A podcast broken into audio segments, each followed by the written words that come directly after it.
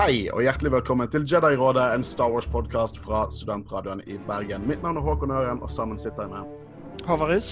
Og Kristian Haugen Aspen. Gjengen er samlet igjen. Eh, ikke fysisk, da. Vi er over Zoom. Det er fortsatt eh, visse karantenetilstander her. Men det er gode, gamle gjengen tilbake. For det har vært evigheter siden. Spesielt det, Kristian. Det er så godt å se deg. Jeg kan ikke huske når vi spilte inn sist, eh, vi tre. Eller at jeg var med, i hvert fall. Det, det, det, den fløtemyke stemmen din, liksom. Det, ja, jeg husker, vet du hva, jeg, jeg kom, I og med at du sier det nå, så husker jeg jeg hørte gjennom solo-podkasten som dere spilte inn med, med Magnus. Og da husker jeg på slutten at du sa at uh, Christians sin fløtemyke stemme manglet i podkasten. Ja, men jeg gjorde det. Jeg mener det også til en dag i dag. Uh, 4. mai, May the 4th. Det er den store uoffisielle Star Wars-dagen, men den er blitt så stor at du nesten kan kalle den offisielle Star Wars-dagen. Uh, det er i dag og vi lager denne bonuspodkasten for å feire Star Wars-dagen. Det er jo en hellig dag for oss, nærmest. Og jeg, eh, Det er jo en uoffisiell dag, og det er basert på en pønn. Og det er litt, litt, cheesy, det er litt corny, men jeg blir veldig glad i den dagen. Det føles litt som en hellig dag. Jeg elsker det for det. Det, det og, og, gjør ingenting at det er cheesy. Og, og Lucasfilm helt klart anerkjenner det, for siste episode av Clone Wars kommer jo ut i dag eh, absolutt siste episoden. Det er fullt av sånne Lego-sett som bare barndomssett. Masse greier som skjer. Eh, og jeg, eh, vi feirer det med å bare ha en episode der vi bare feirer Star Wars. Det skal ikke være nitpicking. Jeg og Christian skal ikke krangle. Eller kan hende vi skal krangle, hvem vet. Uh, men vi skal diskutere vår kjærlighet til Star Wars. Og senere i episoden så har vi fått inn masse fine leseranlegg for dere. Noen skriftlig, noen lydopptak, og vi skal på en måte høre de, lese de opp eh, kommentere de, og det, det, er veldig kjekt at så mange har sendt inn. Det forventet jeg ikke i det hele tatt. Eh, de har sendt inn via Instagram og Facebook og på vår e-mail. Eh, og igjen, det kan jeg bruke som en liten sånn uh, shameless plug plugg i at uh, følg oss på Instagram og Facebook.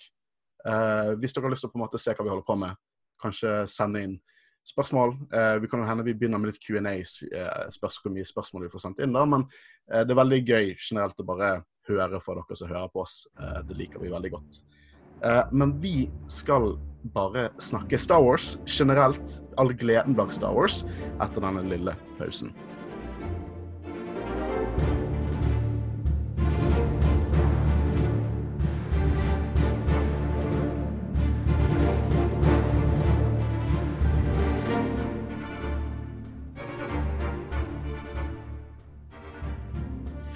mai, May the 4th, det er jo vår Star Wars-dag for alle oss nerdete Star Wars-fans. Og vi skal snakke litt hvor det begynte, våre følelser til Star Wars. Eh, noen minner fra kanskje barndommen vår av Star Wars. For det er oss tre Star Wars går tilbake inn i tid. Vi har vært Star Wars-fans et par år nå, vil jeg tro, alle tre. Eh, så vi, det kommer jo alltid minner i det, da. Eh, som første filmen du så, eller leken, eller hva man gjorde. Jeg tenker eh, Christian du, du skal få lov til å begynne. Hvor startet det? Hvorfor startet det? Hvorfor dro dette universet deg inn? Eh, for min del begynte det da jeg var 10-11 år gammel, tror jeg, eh, når jeg så A New Hope. Og da gikk han på TV. Eh, jeg tror det var et stykke inn i filmen. Jeg tror jeg begynte å se på filmen når, var, når de var i den der trash compactoren. Som er en Der du begynte? Det var der jeg begynte. Det var der det begynte for meg. For at filmen gikk jo på TV, så jeg kunne ikke spole. For dette var gode gamle dager. Uh, og jeg ble jeg, jeg, så med øynene på TV hele tiden til filmen var ferdig. Det var Star Wars uh, hekta meg med en gang. Darth Vader, Duke Skywalker, lightsabers. Åh, det var helt utrolig. Så når jeg fant ut at det var en femte film som kom på TV, og jeg uh, dessverre ikke var hjemme den dagen, første jeg gjorde, var å finne ut hvordan kan jeg ta opp denne filmen. Og det fikk jeg hjelp av naboen til å gjøre. Så han tok opp Empire Strikes Back for meg, så jeg kunne se den når jeg kom hjem igjen. Så det, nei, Star Wars har vært et av mine høydepunkter i livet. Jeg misunner deg for at du begynte på originalen. Eh, absolutt. Jeg, det, det, kom faktisk tilbake til meg i en flashback nå. At mitt første sånn helt konkrete møte med Star Wars, det var eh, den scenen i, i, den Space Warman i Empire Strikes Back. Ja. Eh, og altså gikk på Kanal Digital. Det, jeg fikk bare sett tre minutter av det. helt til, eh, til en onkel eller noe som sa nei, dette er noe tull, og skrudde av. Og så så jeg bare trist opp, for jeg hadde lyst til å se hva dette var. Eh, den første filmen jeg så, var Attack of the Clones. Det var min første Star Wars-film. You, stakkar deg, stakkar deg. Jeg syns det var superkult, da. Jeg, jeg digget jo det. Uh, og jeg, så du så den på kino, da? Jeg så den på kino. Uh, ja, med første, min far. Første øyeblikk, det var på kino, altså. Ja, første film. Jeg så han på kino. Første Star så jeg på kino, ja. Men jeg min far sa det. Jeg så på sånn bygdekino, jeg. Det husker jeg nå, forresten. Bygdekino. Jeg, jeg, må innrømme at jeg var liten da jeg så det. Jeg tror jeg så Ja, han gikk jo på kino, så det var med en gang han kom ut. Og på den tiden så skal jeg være helt enig med deg. Jeg syns den var dritkul. Ja, den var dritkul. Den siste scenen med Yoda, jeg satt der og koste meg skikkelig. Jeg må bare si det. det... Jeg husker det var min far som tok meg med sånn, når vi gikk ut av kinoen, så sa, sa han dette er noe av det verste jeg har sett i mitt liv. Men jeg var jo frelst, eh, og spesielt da av Jango Fett. Jango Fett frelste meg. For, sånn, Fy søren, så badass han var. Og så neste filmen jeg så, var Boba, nei, var Boba Fett. Det var Empire Strikes Back. Og der var Boba Fett. Jeg bare! Det er to av de! This is getting out of hand! og eh, jeg, må si at eh, før jeg så filmen, eh, filmen Attack of the Clones altså så Empire Strikes Back, så hadde jeg vært borti lekene. Det var jo helt klart designet som bare tok tak i meg da jeg var liten. Spesielt sånn Lego-settene og alle disse lekene. Sånn, det var sånn skolegårdsmyter. Sånn Darth Vader, han er faren til Luke. Sånn, jeg visste alt dette her. Okay. Har du ikke sett noen av filmene. Men det var disse sk skolegårdsmytene.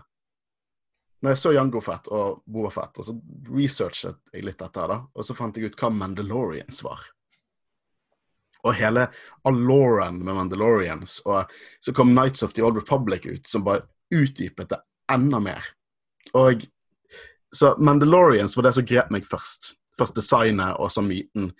Og jeg, eh, der har dere litt hvorfor jeg er så sinnssykt hypet på The Mandalorian, for det er som det er laget for meg.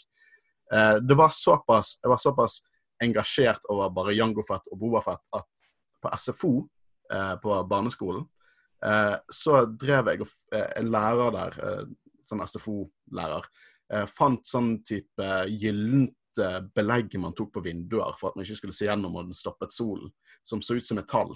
Så jeg lagde min egen Jango-fett-hjelm. Uh, I hodet mitt så den dritkul ut, men den så sikkert helt grusom ut. Uh, og så fant jeg gammelt kosteskaft, uh, og så lagde jeg en lightsaber ut av det. Så jeg ga ikke mening, det var Jango Fett, men lightsaber.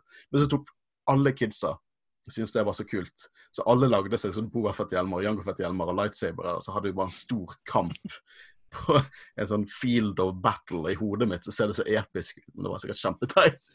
Men det var bare eh, det, no, det, er noe med designet og følelsen av Star Wars som virkelig bare tok tak i meg. Og det, det SFO-minnet det er virkelig sterkt i hodet. Eh, og så jeg har, jeg, har, jeg, har, jeg, jeg liker Attack of the Clones. Jeg har en litt nostalgi til Attack of the Clones. Jeg mener fortsatt det er en bedre film enn Phantom Menace. Jeg føler jeg klarer å argumentere meg fram til det. Men eh, det er jo en drittfilm. Men jeg har noen nostalgisk verdi til den filmen. du da, Håvard? Uh, aller, aller første møte jeg hadde med Star Wars uh, Jeg tror faktisk jeg har fortalt denne historien før, fordi jeg syns det er ganske morsomt. var hos en venn der faren var fra Bulgaria, og han hadde fått en piratkopiert versjon av Phantom Menace, som var dubba på bulgarsk. Og da så vi den, og jeg kjente ikke noe av det. Og det så helt jævlig ut. Det var liksom dårlig CGI og alt mulig sånn.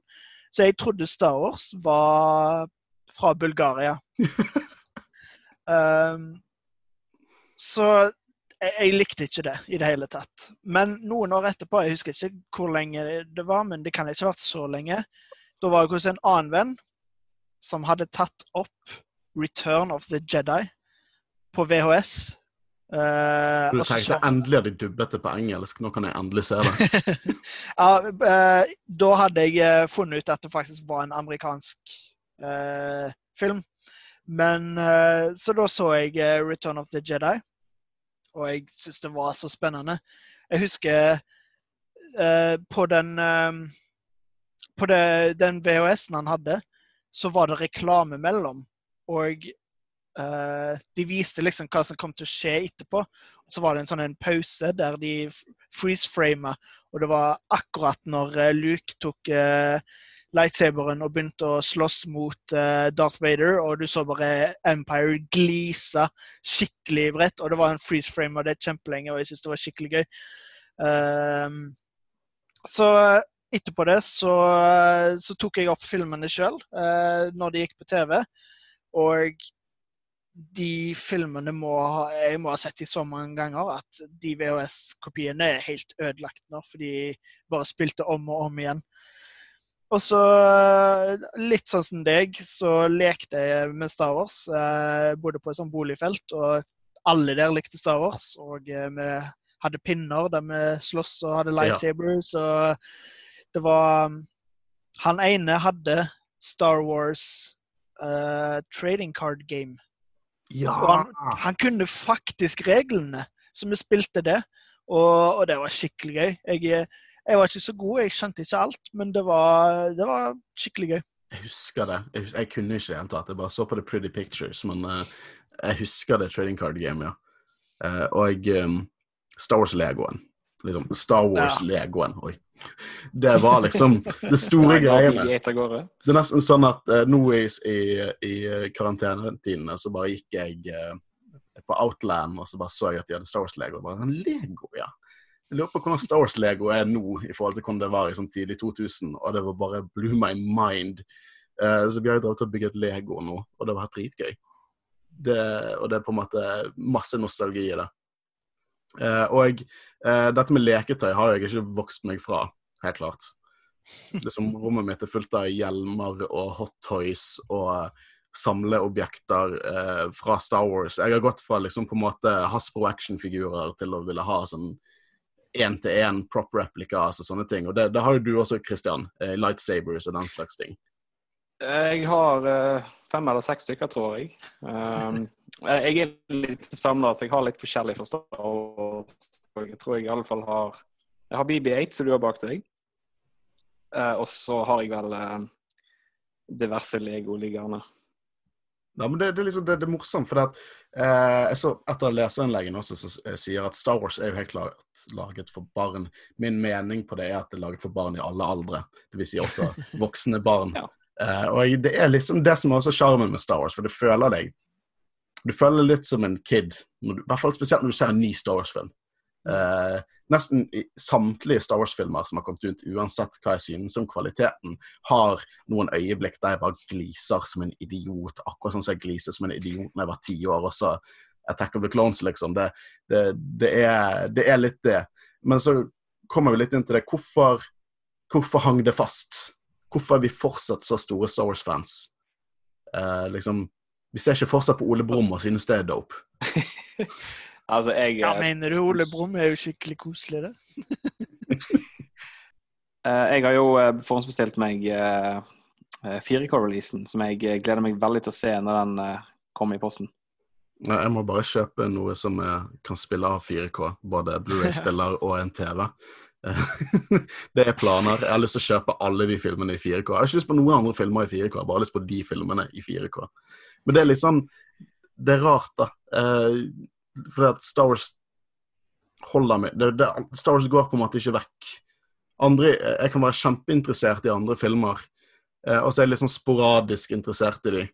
Men Star Wars går på en måte aldri vekk. Det er en grunn til at jeg og antar deg, Håvard, har tatovert oss Star Wars-ikoner.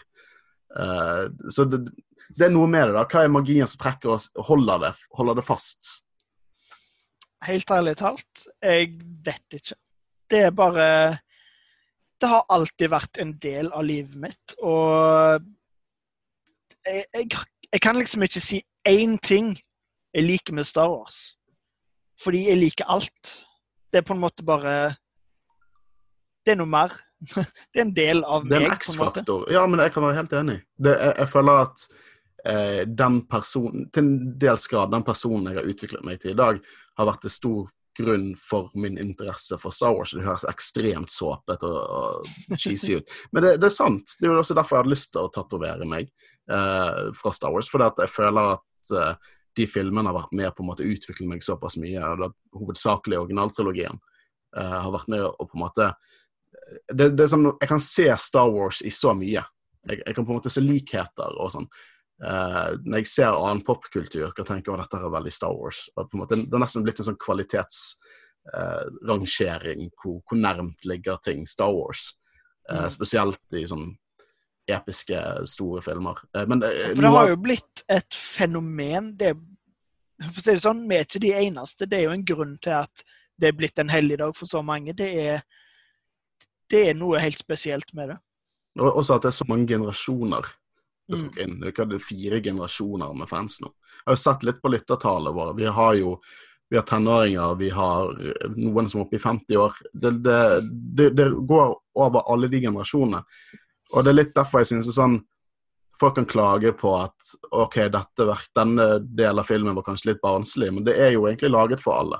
Så, så for eksempel nå har vi fått Star Wars Resistance, som helt klart er laget for en yngre garde. Og det er helt greit. Vi Mandalorian, som jeg føler har på en måte vokst litt med fansen. Synes det det er mye mer voksen tone generelt i den serien. Eh, og jeg synes det er helt greit, for Star Wars er for alle. Det, det, jeg føler, det skal, ikke, det skal ikke være noe gatekeeping, det skal ikke være noe konkurranse om hvem som er størst fans. Det er for alle, og eh, det er noe jeg sånn setter pris på når jeg ser de der Celebration-livestreamene.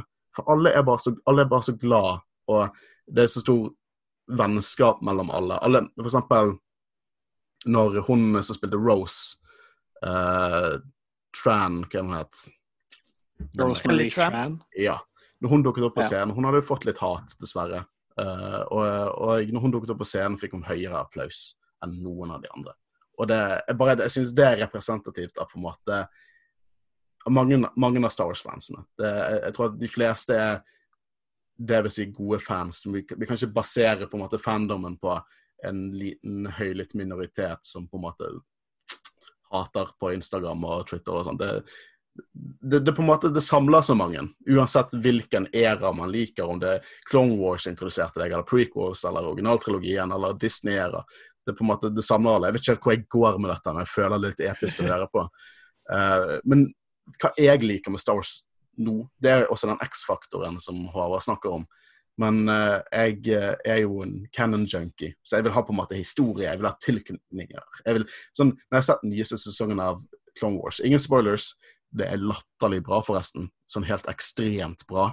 Uh, så er det sånn at jeg sitter og tenker, over dette her er på en måte den mørke forhistorien til The Empire i originaltrilogien. Og eh, hvis jeg leser en bok og ser en tilknytning til den boken i om det er Rise of Skywalker eller Mandalorian, så bare det, jeg digger det. Og jeg på en måte jeg elsker historie, ekte historie. Og Star Wars er på en måte sånn alternativ historie, kinda, i en annen dimensjon. På samme grunn. Jeg syns det var interessant å, å grave meg ned i det og lære mer. Og, eh, og ja, det gjør at jeg anerkjenner all canon.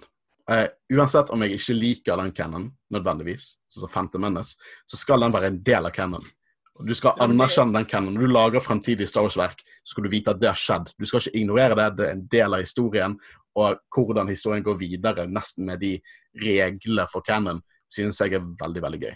Ja, og det er jo eh, litt sånn som du sier, at du ser på det som alternativ historie. Det, det er mye som har skjedd i vår virkelige verden som ikke er så veldig kjekt, og som ikke er så veldig bra, men vi må bare akseptere det. Så Det er litt sånn hvis, hvis folk ikke liker noe som skjer i en film, så sier jeg ja, men det har skjedd mye kjipt i vår historie også. Det er sikkert mange Jar Jars i vår egen historie. garantert ganske mange jarjars.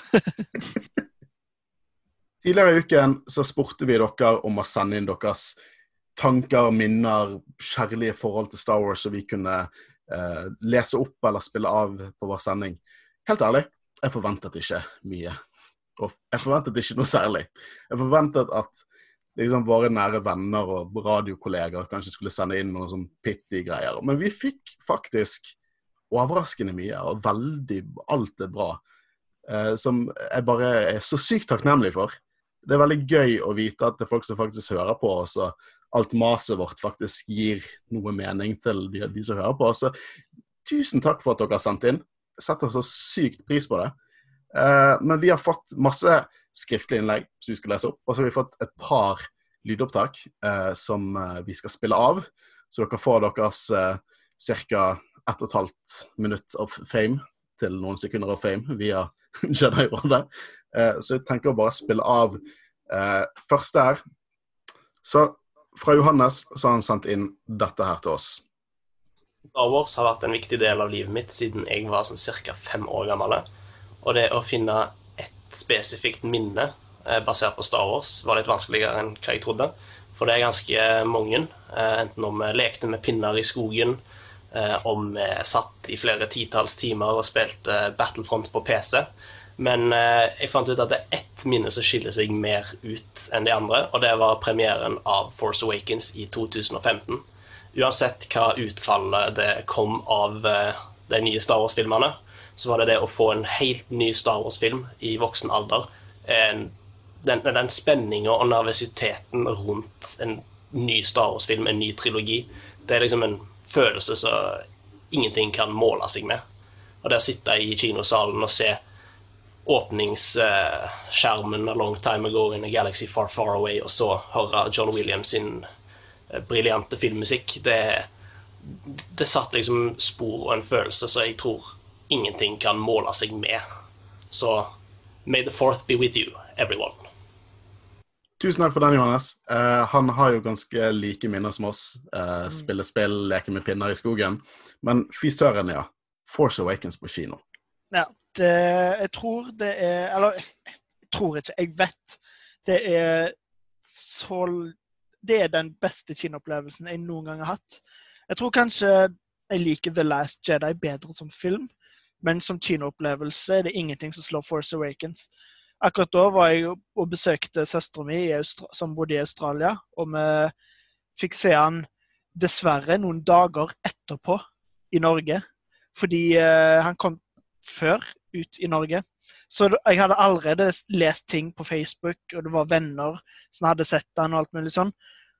Og jeg gleder meg så mye, og jeg var så nervøs. Jeg hadde vondt i magen, det kribla. Det var liksom Ja, det var, bare, det var en fantastisk opplevelse. Jo, jeg òg. Dette her er òg en av mine favorittkinopplevelser. For at uh, The Force Awakens den fikk mye kritikk for å være ganske lik uh, originalfilmene i forhold til handling. Men jeg har ikke noe imot det, for det var en fin in, uh, introduksjon til ny generasjon med fans. Med mye fanservice, selvfølgelig, som jeg elsket. Uh, og uh, det føltes som en Star Wars-film. Det føltes som Star Wars. Det er mitt favorittutsagn. ja, det, følte, det føltes skikkelig jeg, jeg elsket å se den filmen på kino. Uh, nå er ikke jeg den største fan av Last Jedi, som uh, sikkert ikke noe Ikke la oss gjøre dette om til en diskusjon. Vi ble ferdig med den. Vi diskuterte det i fire timer. Men ja, det hands down beste kinoopplevelsen for meg. Jeg var så stresset. Er denne bra? Kommer den til å være bra? Jeg, jeg trodde aldri at jeg skulle få oppleve å se en ny Star Wars-film. I hvert fall ikke episode syv på kino. Og jeg husker jeg så trailerne 10 000 ganger, spekulerte alt. Jeg gjettet så mye rett. Men det, det, hadde ikke noe å si. For med en gang den, jeg satt i mørket på kinosalen, lysene gikk av, intro crawl kom opp, episode 7, så var jeg helt blank. Det var nesten så jeg hadde et illebefinnende. Som at jeg ikke fikk med meg filmen, for jeg var bare så sjokkert. Så alt som skjedde i filmen, uansett hvor mye jeg hadde gjettet riktig, bare sjokkerte meg til kjernen det var en helt utrolig opplevelse, og jeg tviler sterkt på at det kommer en annen kinofilm ut som gir meg samme opplevelse som jeg hadde når jeg så Force Awakens på kino. Det, det, det, er, det er, nesten sånn jeg har tårer i øynene når jeg snakker om den opplevelsen. Det er langt ifra min favoritt Det er langt ifra min favoritt-Star Wars-film, men fy søren den opplevelsen å se den. Og jeg er fortsatt ekstremt glad i den filmen. Uansett altså, hvor safe den er, det er bare en gøy Star Wars-film på dette tidspunktet så vil jeg faktisk si at av uh, sequel-trilogien så er Force Awakens min uh, topp. Altså nummer én. Den har tatt, den, av The Last Jedi og uh, Den avtronet The Rise of Skywalker?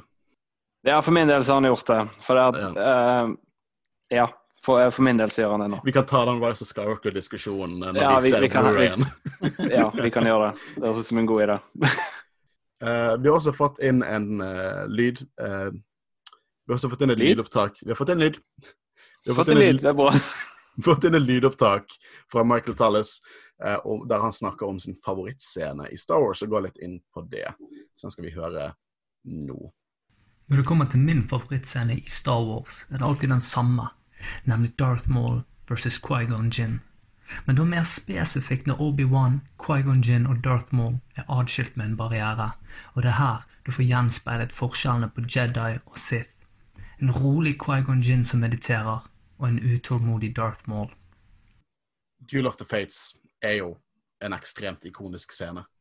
Uh, og jeg, uh, det er absolutt ingenting å ta ifra, vekk fra den scenen, selv om det kanskje ikke var favorittfilm. Men scenen i seg sjøl er jo helt utrolig. Og jeg, jeg, liker også veldig godt det stille øyeblikket så, som Tallis her snakker om. Uh, som veldig viser på en måte dette her med serenity versus på en måte rent sinne og hat. Uh, hvis jeg skal dypere inn på det, så sier jeg at parallellene mellom uh, Jedi og Sith er ikke så store som man skulle tro. Men det er noe annet. Uh, for det at jeg er veldig enig med det Tallis sier i den scenen. Det, det, er, det, er, en fantastisk scene, og det bygger opp mot den siste delen av kampen helt fantastisk.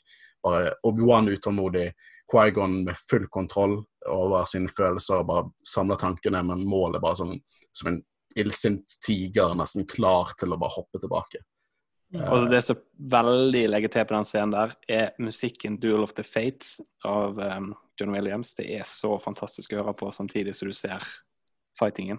Ja, for bare musikken der er jo det Hvem skulle tro at han skulle komme tilbake igjen så mange år etterpå til ny trilogi og fortsatt bare slå ball ut av parken og skape ny, ikonisk musikk til mm. Star Wars-sagaen. Eh, sånn, originaltrilogien har en veldig spesifikk type musikk. Prequel-trilogien har en veldig spesifikk type musikk, og sequel-trilogien har en ganske spesifikk type musikk. Men alt føles som Star Wars, alt føles som John Williams. Så kanskje den viktigste faktoren innenfor hele sagaen, en veldig viktig faktor, er i hvert fall musikken.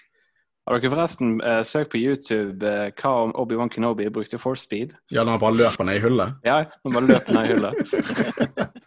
det gøy jeg har sett, det er når General Grievous driver og, og, skal plukke opp alle lightsaberne. Så når Ben Solo kaster vekk lightsaberen sin 'Another lightsaber for my collection', og så hopper han ned i vannet. Eller når Darth Vader kutter av hånden til Luke med lightsaberen, så gjør han akkurat det samme, bare hopper ned. Så hører han liksom mens han faller. Men uh, ja, absolutt uh, en uh, veldig bra scene. Og så Men én ting. Mål hadde jo the high ground. Det er veldig basert på hvordan man ser det. der. Hvis du flytter det high sånn, så ligger Obi-Wan der. Så har, da, Nå flytter jeg på armene mine, dere som bare hører på den. Det er veldig basert på a certain point of view, ikke sant? som følger eh, karakterens mentalitet. Men Obi-Wan er jo en, en, hykler av uh, store proporsjoner og er en, en, av grønne til at det gikk veldig dårlig med Jedi Order. Nei, han er ikke det. Mm. Mace Windu derimot, han er den verste. Hater han. Og Clone Wars har understreket hvor gale alt er med han fyren der. Konsentrasjonen av alt som er gale med Jedi-ordren, finnes i Mace Windu. Men jeg skal ikke falle av uh, alt her.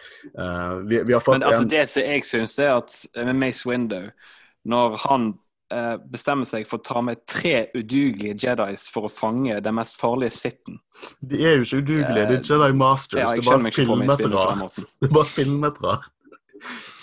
Uh, men vi har fått inn uh, en, en, til video, uh, og det er fra Herman. og han, han, gir oss en litt kul vri på, på, en scene som er ganske ikke så, Det er ikke en veldig elsket scene, da. Og han gir en forfriskende syn på den scenen.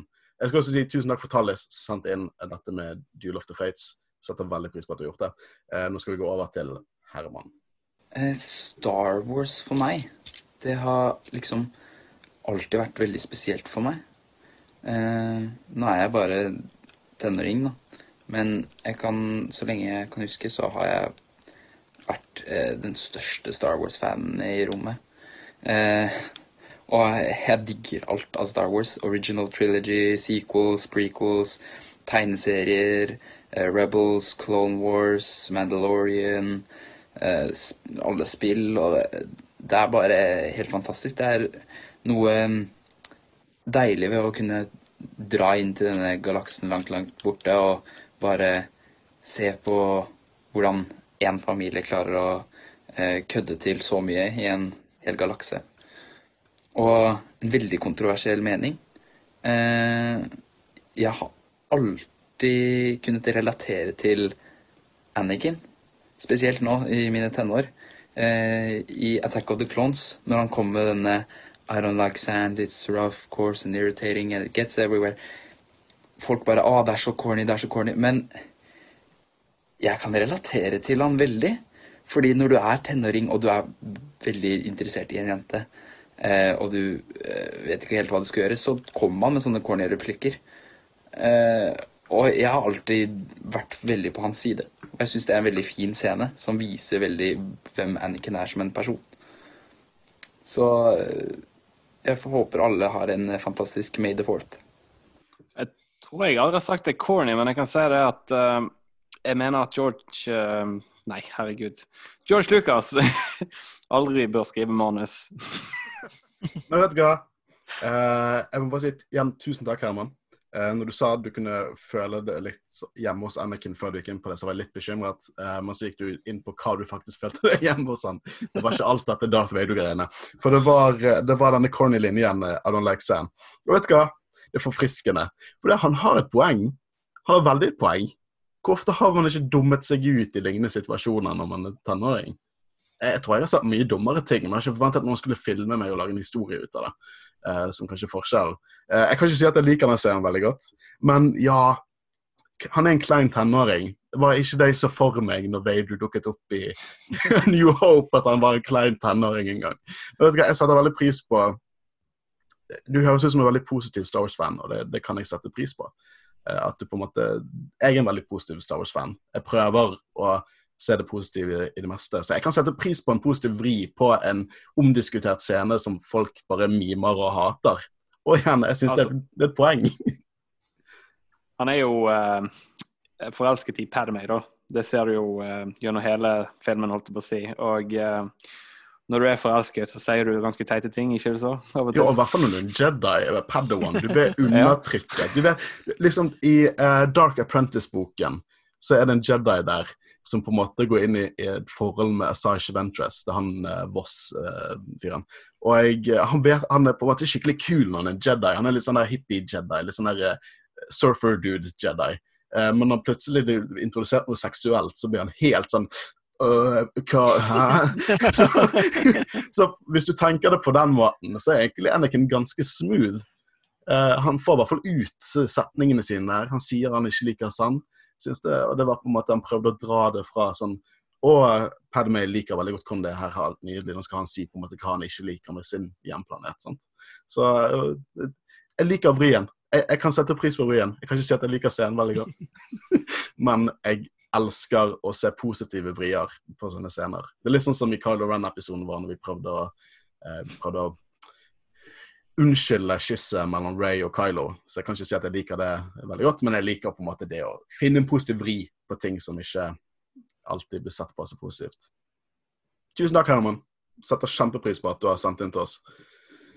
Uh, nå er vi ferdig med lyd, uh, lydinnsendingene. Det var en god setning, ikke sant, Kristian?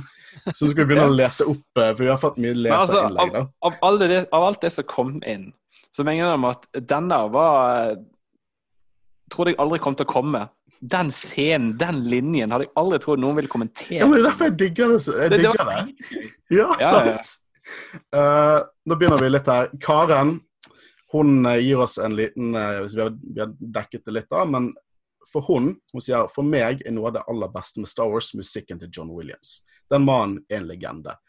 Absolutt. Eh, som sagt Jeg er helt enig. Det, jeg, jeg, det finnes ikke bedre komponister som lager til film. Det er mange bra der ute, men ingen slår John Williams. Nei, han er på topp. eh, Og eh, for de som ikke vet det, jeg vet ikke om jeg har nevnt i denne podkasten før, men George Lucas var egentlig ganske klar på at han ville ha klassisk musikk i filmene istedenfor. Altså skikkelig sånne her uh, symfonier fra Beethoven og sånne ting. Sånn som på en måte så uh, 2001 hadde Space Odyssey. Mm. Det er det det heter, sant? Veldig bra, Christian. Men det var faktisk Steven Spielberg som introduserte eh, eh, John Williams til Joe Lucas. Og da fant de tonen med en gang, og han begynte å komposere nydelig musikk til Star Wars. Det er morsomt at du sier det, for det er sånn jeg ville beskrevet John Williams. Han er på en måte Han er klassiske filmscore, Mm, eh, på en måte, produsenten. Det, det, det, det er filmmusikk, bare som klassisk filmmusikk. Det, det er så liksom enkelt, på, men samtidig så innviklet. Bare se på sånn race theme. Det er jo ikke en ekstremt innviklet Ikke at jeg har så mye innsyn i musikk, men det er jo ikke ekstremt innviklet. Men han bare setter sammen tone som magisk, og det blir ikonisk med én gang. Jeg, jeg digger det. Eh, jeg er så glad, jeg er så takknemlig for at hele sagaen ble brukt, der ble brukt med hans musikk. For det hadde ikke Mm. vært det samme. Det var det største frykten min når Rogue One skulle komme ut. John Williams skal ikke lage musikken. Dette er ikke Star Wars.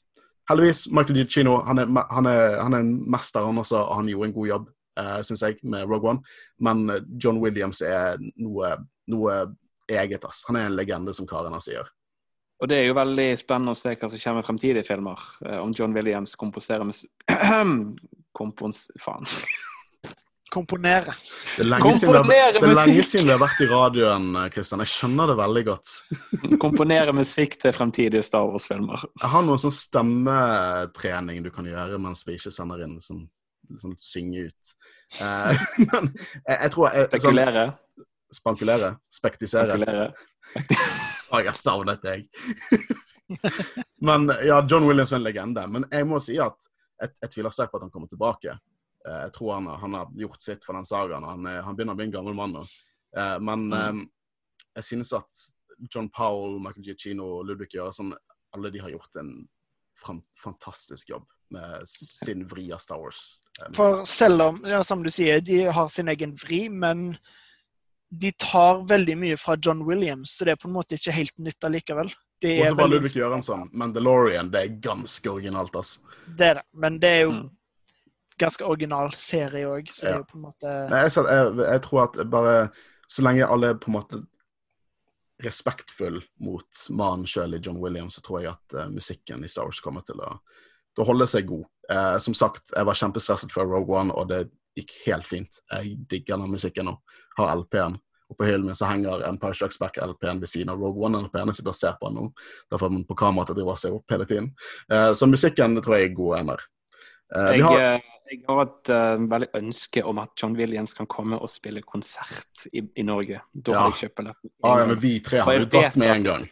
Ja, for jeg vet at det er komponister som reiser rundt Jeg er komponister som reiser rundt i uh, verden og har konserter. Så det Hans Zimmer, jeg var på Hans Zimmer sin for noen år tilbake siden, og det var fantastisk. Jeg vil bare at John Williams skal gjøre noe lignende. Mm. Eh, liksom, bare, bare man er i, i Europa Ja, for jeg var på. Jeg husker ikke komponisten. Ja, ja, absolutt. Jeg var på, eh, jeg var på han som kom, uh, lager musikken til Game of Thrones, og da viser de scener som Ramin Djawadi, er det den heter? Ja, jeg stemmer det. Uh, han hadde i Stockholm, det var nærmeste.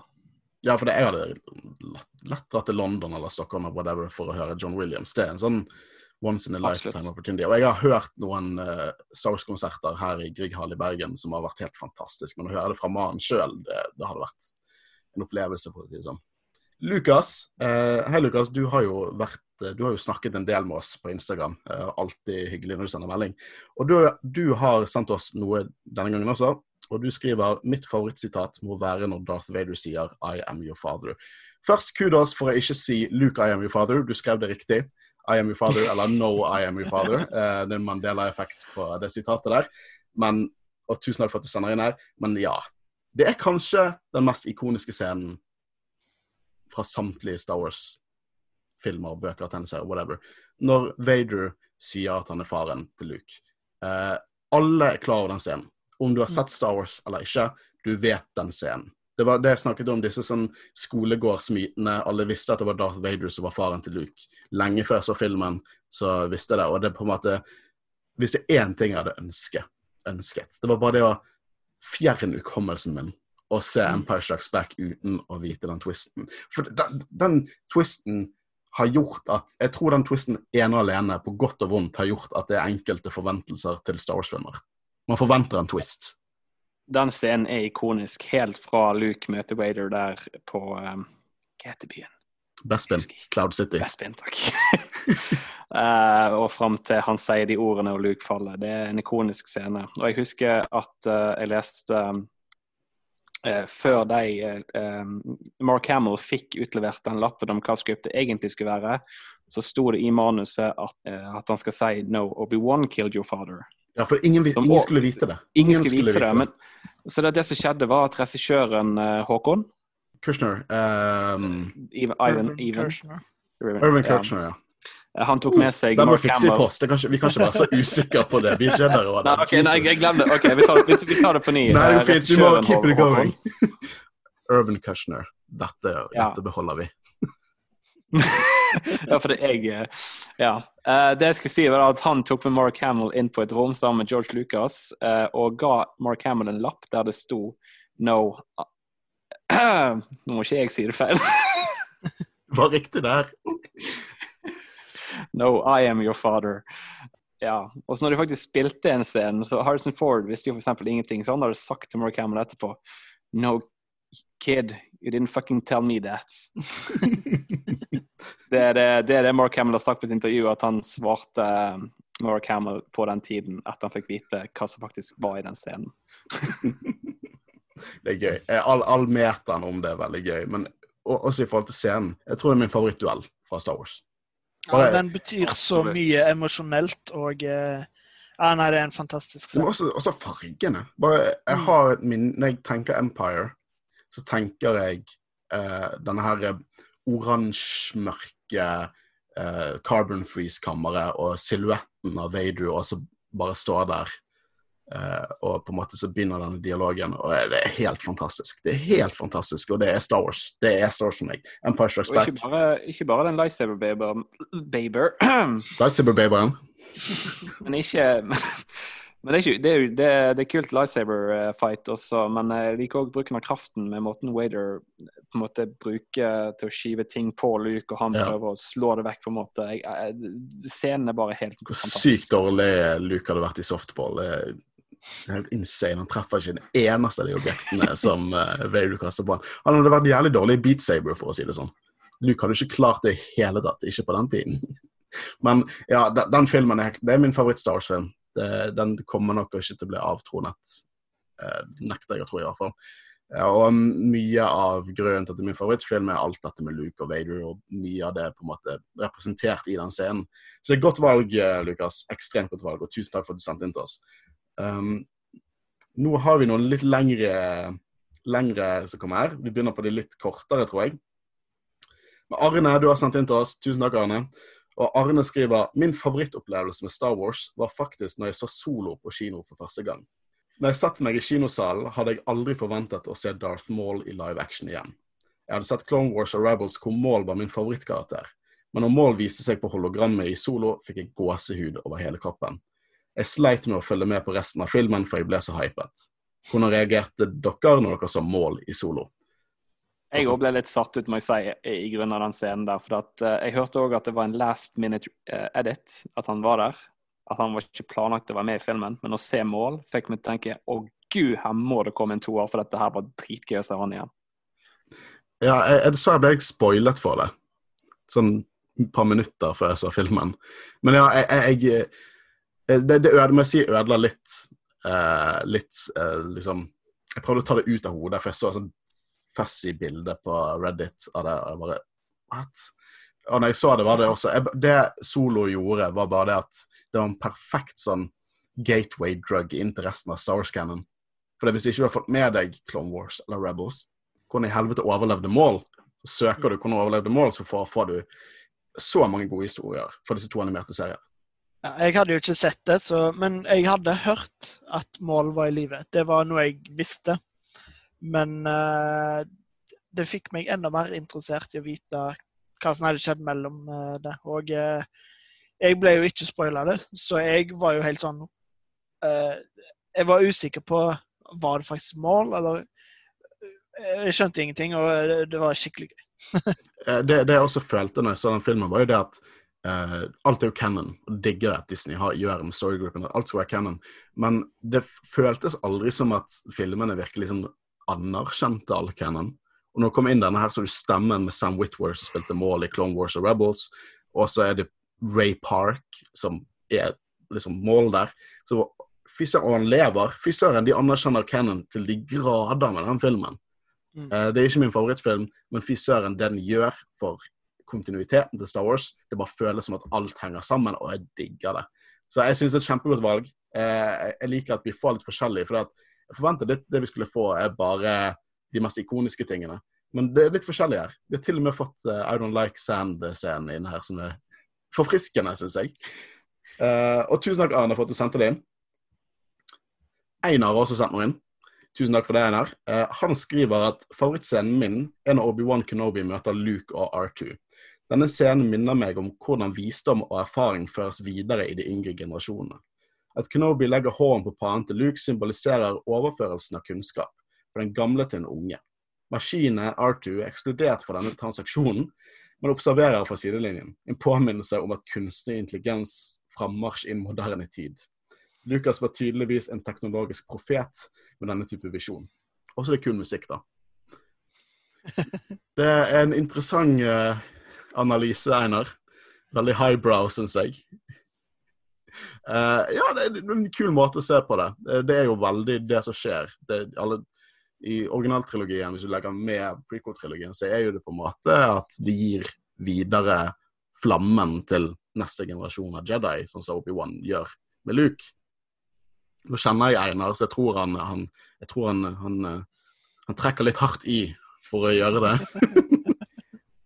Men jeg liker alle typer analyser, og dette er interessant. Og det er en, og det er en kul scene. Eh, Det er, Og det er hello, kul musikk òg. ja, det er det, men det er også Hello There-scene. Det er første gang Obi-Wan sier Hello There. Eh, Så må ikke vi glemme hvor ikonisk det er i special edition før denne scenen. Når vi har den fulle NASCAR-raceren som sånn «Woo!» Det skjer jo rett før denne scenen. En fantastisk film eh, fra 97. Eh, Lukas, veldig bra at du la det til. Eh, men ja, det, det, det, det er en interessant scene. og Det er ikke, det er ikke en typisk scene som man ville sagt er på en måte min favorittscene, og det liker jeg. Uh, introduksjonen til Obi-Wan. Uh, det, det, det, det var ikke noe jeg har tenkt noe særlig på. Alt jeg tenker med den scenen nå, er jo det at dette var første gang de brukte force healing i, i, i canon. Som helt sikkert er retconnet. For at folk ikke skal være så sinte over Rise of Skywalker at de force healer der. Men eh, det, det er en del av de ikoniske scenene fra A New Hope. Tusen takk for den, Einar. I den se altså, For så vidt når han snakker med Luke òg for første gang i forhold til eh, å fortelle om eh, eh, The Republic og sånne ting. Jeg får litt goosebumps av det. holdt jeg på å si. Så Ja, jeg er går i hvert fall når vi snakker liksom Clone Wars og Mm. alt dette her. Eh, knytta Ja. canon. Ikke at de var Det- klar over hva Clone Wars var på den tiden, da. Men eh, det, det, det, ja. Nei, det er absolutt. Ok, vi har noen lange her eh, som jeg skal prøve å lese til min beste evne nå. Vi har fått en, en veldig fin melding fra Jeanette på Instagram. Eh, tusen takk for at du sendte inn, Jeanette.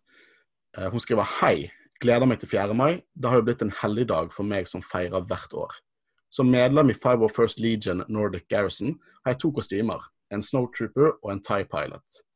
Siden 4. mai var på en lørdag i fjor, dro jeg til København og gikk i parade gjennom strøket sammen med Danish Garrison og noen medlemmer fra andre land. Kjempegøy. I år blir det nok flagg på balkongen, høre på filmmusikken, se noen filmer og ta på meg etter kostymene for å ta litt morsomme bilder. I desember 2015 ble jeg kåret til Norges største Star Wars-fan i Dagbladet og Disney Norge. Du kan si at jeg puster og lever for Star Wars. Det er vanskelig for meg å fortelle alt om hvorfor jeg liker det så godt. Det er så mye. Den følelsen det gir meg, og den er så bra. Star Wars er magisk, spirituelt, den indre kampen i en selv, det er fantastiske karakterer man bryr seg om og blir glad i. Hele leiligheten min er fullt av Star Wars, nesten et lite museum. Og kroppen er dekt med Star Wars-tatoveringer. Uh, det, uh, det er vanskelig ikke å føle seg uh, hjemme i det hun sier her. Nå er nå ikke vi 501st-medlemmer, da. Jeg tror jeg mangler evne til å lage disse kostymene, og pengene for den saks skyld. Eh, Men ja, det er litt det vi snakket om tidligere. Det er dette her med den følelsen. Man klarer ikke helt forklare, forklare det. Hvorfor, eh, hvorfor man er så blir tiltrukket dette her så mye. Det er en X-faktor, rett og slett. Men jeg er helt enig med det du sier, Jeanette. Det er liksom en magisk følelse og sjarmerende karakterer. Og eh, jeg kan føle meg veldig hjemme med dette med tatovering, i hvert fall én tatovering. Eh, også eh, med lekene på rommet. For det, det, det er mange leker på rommet, for å si det sånn. Eh, litt for mange, kanskje. Eh, så jeg, jeg føler meg veldig hjemme der. Jeg skal ta tatovering en gang. Nå har jo jeg og Håvard vi har jo, Han dekker eh, opprørerne, siden han er en terroristfanatiker. Mens jeg er en stolt tilhenger av The Empire, siden jeg liker fred og frihandel og orden. Ja, du liker The Good Guys. Jeg liker The Good Guys. Ingen kan se Aircourse gjennom Spotify, Christian, så dessverre. Empire er ikke Good Guys. Men tusen takk, Jeanette. Jeg, er litt, eh, jeg føler meg nesten litt æret av at uh, du har sendt inn eh, dette til oss. 2000 2015 største Stores-fan uh, i Norge. Det er store greier. Uh, og eh, vi, vi har jo sett deg på Instagram, og det, det, er alltid gøy når du liker. Eh, Du virker som nesten en av de kjendisene fra Star Wars Norge, spesielt på Instagram. Så tusen takk for at du har, du har sendt inn til oss. Det setter vi veldig stor pris på. Uh, vi har en til her. Den er lang. Philip har sendt inn til oss. Og Philip, først, tusen takk for at du sender inn. Det Philip sier her, han sier 'hello there'. Jeg er en trofast lytter og vil først og fremst bare si tusen takk for en fantastisk podkast dere lager. Digger episodeanalysen deres, diskusjonene, parentes kranglingene. Jeg tror det er meg og det er Christian man henter til. Og all canon dere beriker galaksen langt, langt borte med. Jeg har per nå bare sett de ni filmene, men får veldig lyst til å ta en dypere dykk i universet etter å ha hørt dere berike galaksen med all lore-dumpingen. Jeg må også si at jeg bærer svært lite kjærlighet for prequel-trilogien. Det er kanskje ikke så veldig kontroversielt. Synes riktignok sequel-trilogien er bedre, men de mister litt av magien som er den originale trilogien. Det er hovedsak denne jeg anser som Star Wars-mat. Og Rogue One. Good man, Philip. Selv satte jeg episode seks høyest. Ja, jeg vet det er små bamseøyne, men Star Wars er laget for barn. Mye pga. en utrolig sterk og episk siste halvdel. Men aller mest pga. nostalgifølelsen og mener jeg får den. Men de har noe som ikke passer inn. Noe som har blitt gått bort litt fra magien og nostalgifølelsen. I fjor kom jeg over en såkalt fan-edit av den originale Star Wars-trilogien, nemlig Star Wars Despecialized Edition. Dette er kort sagt en nøyaktig kopi av kinoversjonen til den originale trilogien, men er oppgradert til høydefinert Blu-ray-kvalitet. Til da hadde jeg bare sett 2004 og 2011-utgivelsene med alle de nye special edition-innleggene. Fan-editen er litt tricky å få lastet ned, men husk 'patience you must have, my young padawan'. Jeg liker, jeg liker veldig godt de in universe-sitatene det kommer med her, Philip. Søk på Google, så finner du en god beskrivelse. Jeg lastet dem i hvert fall ned, brente dem på hver sin disk og mekket de sammen i et hjemmelaget Blu-ray-bokssett. Resultatet er nydelig. Absolutt verdt å se. Dette kommer til å bli den nye måten jeg ser filmene fremover. For alltid. Jeg har tidligere hatt litt problem eh, med bl.a. en dårlig CDI-jabba, kleine kantinascener og en malplassert Hayden Christiansen. Alt dette er nå back to normal. Ja, jeg vet dere egentlig ikke gjør det, men hadde det vært awesome om dere lagde en episode, episodeinnlegg hvor dere diskuterte ulike tankene om denne høydefinerte kinoversjonen. Alle forandringene som ble skjedd i sceneutgivelser med Clunky, og hvorfor Disney ikke er utgitt de originale kinoversjonene. Jeg tror det er flere der ute som er til gode å se Sour slik de egentlig er. Gleder meg til å høre mer fra dere. May the fourth be with you. Philip. Tusen takk for fine ord. Eh, setter skikkelig pris på at du, du hører på oss og liker det vi sier. Eh, og ja, er, du er stor fan av originaltrilogien. Det er jo vi også. Eh, og jeg, eh, har, jeg har hørt om den Despecialized Edition. Jeg, jeg har sett deler av den. Jeg har sett kinoutgavene av originaltrilogien, absolutt. Eh, og eh, Så min deal da med dette her er at med alle Star Wars-filmer så er det noen ulike elementer. Noen elementer liker jeg ikke, andre liker jeg. Men hvis det er elementer jeg liker, så vil jeg ha den med de elementene jeg liker. Sånn, jeg, jeg liker Rise of Skywalker sånn det er ting jeg misliker der. Eh, Jeg, jeg, det er en film jeg kommer til å se utallige mange ganger. eh, Og det samme kan jeg si om mange av filmene. For Gud har Last Jedi, men det er helt klart ting der jeg ikke foretrekker. Og jeg, i episode fire så er det noen ekstremt cringy CGI og scener lagt til av George Lucas i ettertid. Spesielt denne scenen med Jabba, som kan ødelegge litt den der mysteriet som er Jabba. Vi, I egentlig originaltrilogien skal man høre om Jabba i to filmer før vi faktisk ser en episode seks. Nå ser vi ham med en gang, eh, og det er malplassert CGI. og eh, det er ikke det beste. Og Obi-Wan sin sånn De endret Crate Dragon-hylet til at han bare sånn Woo! Jeg, skjønner ikke. Eh, det er veldig mye unødvendig. Eh, I eh, Return of the Jedi så har de en scene som er kanskje den scenen jeg misliker mest i alt. Og det er den CGI-sangen i Jabba's Palace. Jeg aggressivt, er jeg aggressivt hater den. Aggressivt. uh, men så har du også en avslutningsvis i Special Edition, foretrekker jeg.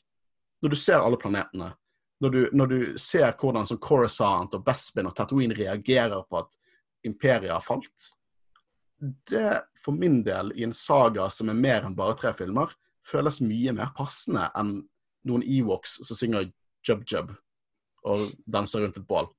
Og når det gjelder Hayden Christensen, så er det et hat-elsk-forhold. Eh, jeg synes, eh, det er Hayden Christensen der, og jeg får plutselig masse tilbakeblikk fra noen av de kleine scenene fra prequel-trilogien. Men igjen gir ikke det mening at Force Ghost Anakin skal være Anakin da han sist var god. Og det er det som er problemet mitt, da, er at Cannon-junkien meg vil ikke gå glipp av noe. Og hvis jeg ser de gamle, så går jeg glipp av små story-elementer som jeg vet er canon som trenger å være der. Uh, så jeg velger å pine meg gjennom de dårlige delene for å se det som jeg på en måte vil ha canon-informasjon. Uh, og jeg synes at Special Edition av Empire Strikes Back er betraktelig, betraktelig mye bedre enn originalen. Spesielt da Emp uh, The Emperor-scene. De har Ian McDermid som keiseren. De har endret på dialogen som gjør at forholdet mellom Palpatine og Vader kommer dypere fram.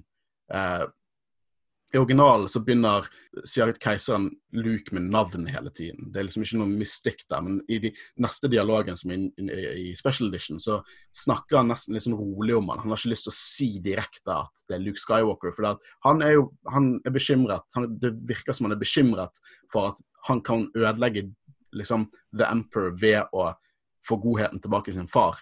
Og når vi vet av Cannon hvor mye Uh, mye knivstikking, og uh, under skyggene de to går mot hverandre. Vader har sin helt egen agenda. Så den nye special edition-scenen med uh, Ian McDermid gir mye mer mening i forhold til dialogen. For de har ikke bare endret Emperor der, de har endret dialogen så det gir mer mening i forhold til all canon. Så jeg kan ikke si at det er noe bedre å se originaltrilogien, for min del.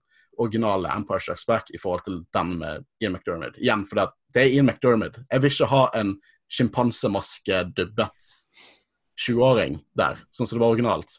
Jeg vet ikke om det var 20, men det, det, var, en, det var, en, dame med sjimpansemaske som var dubbet. Det var original Emperor. Og det er ingenting magisk med den keiseren. Han er bare ingenting mystisk med han. Og de endret på dialogen og fikk Ian McDermid inn der. Det, det, er min Empire Strikes Back. Jeg liker ikke at de dubbet Bobafett, men det går heller fint. Jeg tror for min del ville den ultimate uh, måten å se Star Wars på hvis det hadde gått an å redigert sammen en en versjon av, som tok med ting fra special edition og ting fra original Absolutt. Eh, kinoversjon. Fordi, som du sier, det er veldig mye som det er lagt inn som er veldig bra. Eh, spesielt i Empire Strikes Back og slutten av Return of the Jedi. Men jeg, føler at A New Hope det er egentlig ingenting der jeg liker som er lagt til. Jeg liker veldig godt at de har gjort eksplosjonen av Death Star enda mer dramatisk. Uh, men ellers så syns jeg at kinoversjonen er best av den. Men uh, jeg håper at Disney på et tidspunkt slipper kinoversjonen på en offisiell Blu-ray eller 4K, eller noe sånt, sånn at du kan se det. Men uh, ja. Det er jo de kun, jeg, jeg, ser ikke hvorfor de ikke Eller problemer om hvorfor de ikke skulle gjort det. For det hadde jo, de hadde tjent så ekstremt mye penger eh, hvis de mm. slapp originalet. Men så er jo det også dette her et spørsmål med storygroupen og Lucasfilm at alt skal være knyttet, at de kanskje ikke nødvendigvis vil gjøre det. For det går imot eh, etablert canon. Eh, så, men jeg er veldig enig i det du sier. Uh, Han Solo ikke skyter først, alt dette her. Eh, A New Hope er helt klart best kinoversjon, synes jeg helt klart det best, den beste versjonen av de, bare filmatisk så er den beste versjonen av de to filmene. Men jeg tror at det blir vanskeligere når du kommer ut på de andre filmene. Med, med, med Empire her, syns jeg Special Edition helt klart er best. I hvert fall den uh, Blu-ray-versjonen fra 2011. Og så synes jeg at det er et enda vanskeligere spørsmål Return of the Jedi, for da er det elementer jeg liker bedre i Special Edition, og så noen elementer jeg liker bedre i kinoversjonen. Men hvor gøy er ikke det at Ewokene blinker, da? Det er jo ikke Star Wars hvis ikke Ewokene blinker. Vi må ha det. Det er realistisk. Men tusen takk for at du sendte inn, Philip. Eh, jeg håper du syns det var en OK diskusjon rundt det. Eh, det jeg tror ikke vi lager en, en, egen episode på det, men vi prøvde på en måte å ha litt dypere diskusjon rundt spørsmålet. Dette med Tusen takk for at du sendte inn, og tusen takk for at du hører på. Setter enormt mye pris på det. Kanskje understreke hvor mye pris jeg setter på at dere sender inn. Eh, men da er vi ferdig med, med beskjedene fra våre lyttere. hvis eh, du har sendt inn og du ikke har hørt oss opp, så kan det hende at du har, på en måte gått glipp av åpningsrommet vårt. da. Uh, og Vi kunne ikke tatt med så altfor mange. Nå, vi, nå tok vi disse vi, vi, vi så nå kommet inn. Eh, og så kommer vi helt sikkert, hvis vi får flere og får flere sporadisk, så kommer vi til å fortsette med sånn Q&A-episoder. Det er noe vi har lyst til å holde på med. Men 4. mai, gutter, hva, hva er planene deres i dag? Uh, dessverre så er jeg på, uh, på jobb som uh, Jeg har hjemmekontor, da, så jeg kan snike meg til å se filmene. Så jeg har nok egentlig tenkt å gjøre det. Men ikke med så god samvittighet som jeg hadde skulle ønske. Men Kristian, fortell oss eh, hva du skal gjøre i dag. Jeg skal på jobb, jeg òg. og så må jeg sikkert skru litt på båt. Men eh, jeg skal i hvert fall få sett A New Hope. Det er bra. Eh, Jeg, jeg har faktisk tenkt å se Rogue One, for nå er det lenge siden jeg har sett Rogue One. Eh, Jeg har lyst til å overtale kjæresten min til å se New Hope rett etterpå, men jeg tror at eh, det, det krever litt overtaling. Eh, Men jeg har lyst til å se Rogue One og New Hope. Vi var i en liten minimaraton med de to filmene. Det, det er min Og plan. så, og, og så må jeg bare si at jeg skal begynne på Clone Wars sesong 7, og jeg er så psyched. Det er så bra. Vi har også tenkt å dekke Clone Wars. Vi, på, vi har alltid tenkt å dekke Clone Wars, men nå, nå vet hva, vi vet aldri, vi vet ikke når studio åpner igjen. Så vi har tenkt å begynne på Clone Wars eh, nå når Håvard er ferdig med eksamen eh, og vi har litt mer tid. Så har vi tenkt å dekke Clone Wars. Det blir dessverre den lydkvaliteten vi har nå. Det er det beste vi får til foreløpig. Vi driver og eksperimenterer litt med hvordan vi skal spille inn. Eh, så kan han det utvikler seg litt bedre. Det blir dessverre ikke studiolyd. Eh, med en gang det studio åpner, så kommer vi til å løpe inn dit og leve på Studio 1 der vi spiller inn alt. Eh, men foreløpig er det dette her. Så jeg håper, håper det går fint, rett og slett. Men tusen takk for at dere har hørt på oss. Vi har Jedi-rådet. Eh, mitt navn er Håkon Øren, og sammen har jeg sittet med. Håvarus. Og Kristian Aspen. Og vi snakkes. Jeg kan ikke si at vi snakkes neste uke, det vet jeg ikke. Men vi snakkes når vi snakkes. Vi skal prøve for harde livet å spille inn episode til dere. Ha det bra og ha en fin May the 4th. May the Fourth be May the with fourth. you. Be with you.